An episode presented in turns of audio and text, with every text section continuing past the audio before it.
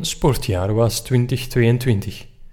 Er waren ooit tijden waarin één Belgische sporter zo met kop en schouders boven de andere uitstak dat iedereen al weken op voorhand wist wie gelauwerd zou worden voor de sportman en sportvrouw van het jaar. Of tijden waarin we voor die trofee genoegen moesten nemen wanneer iemand een Europese titel en een Olympisch diploma behaalde. Die tijden liggen ver achter ons. Nafi Tiam en Remco Evenepoel wonnen terecht de trofee.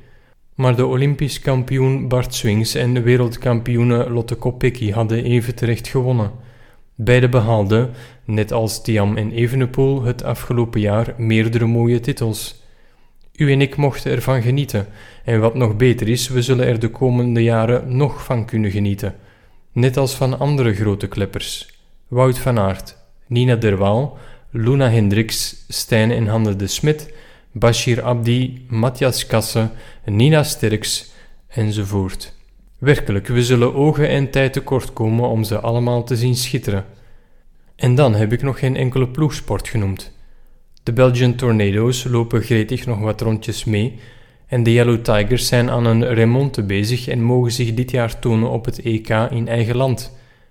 De Red Lions zitten op dit moment in India om hun wereldtitel te verdedigen en een pak Red Wolves, onze nationale handballers, zijn hongerig naar winst en glorie. Ben ik nog iets vergeten? Voetbal misschien. Na de kater in Qatar lijkt iedereen zich maar wat graag onder te dompelen in de vergetelheid van kerstfeestjes en nieuwjaarsdrinks. Al priemde er door die waas van voornemens en felicitaties plots een nieuwtje. Roberto Martinez wordt opnieuw bondscoach van Portugal. Hij spreekt op de eerste persconferentie lovende woorden over de talentvolle generatie spelers waar hij mee zal werken. Dat klinkt bekend. Hij spreekt over beginnen aan een proces. Klinkt ook bekend. Hij krijgt natuurlijk de onvermijdelijke kritische vragen over zijn rol bij België. De beste stuurlui staan aan wal en de beste coaches zitten in de zetel. Martinez weet dat. Met zijn gebruikelijke rust pareert hij dus de vragen. België was jarenlang nummer 1 van de wereld. Hoe goed wil je het hebben? Ja, maar, denken u en ik, met zo'n talentvolle generatie was het helemaal niet moeilijk om jarenlang op nummer 1 te staan. Wij hadden dat zelf ook kunnen doen.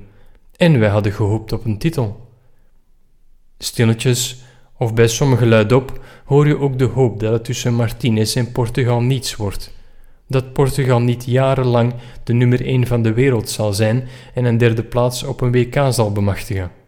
Ik voel het ook. Het is misschien eigen aan de beste stuurlui om wat rancuneus te zijn. Ach, we hebben zoveel sportweelden voor de boeg dat we dat tandige knars maar beter achterwege laten.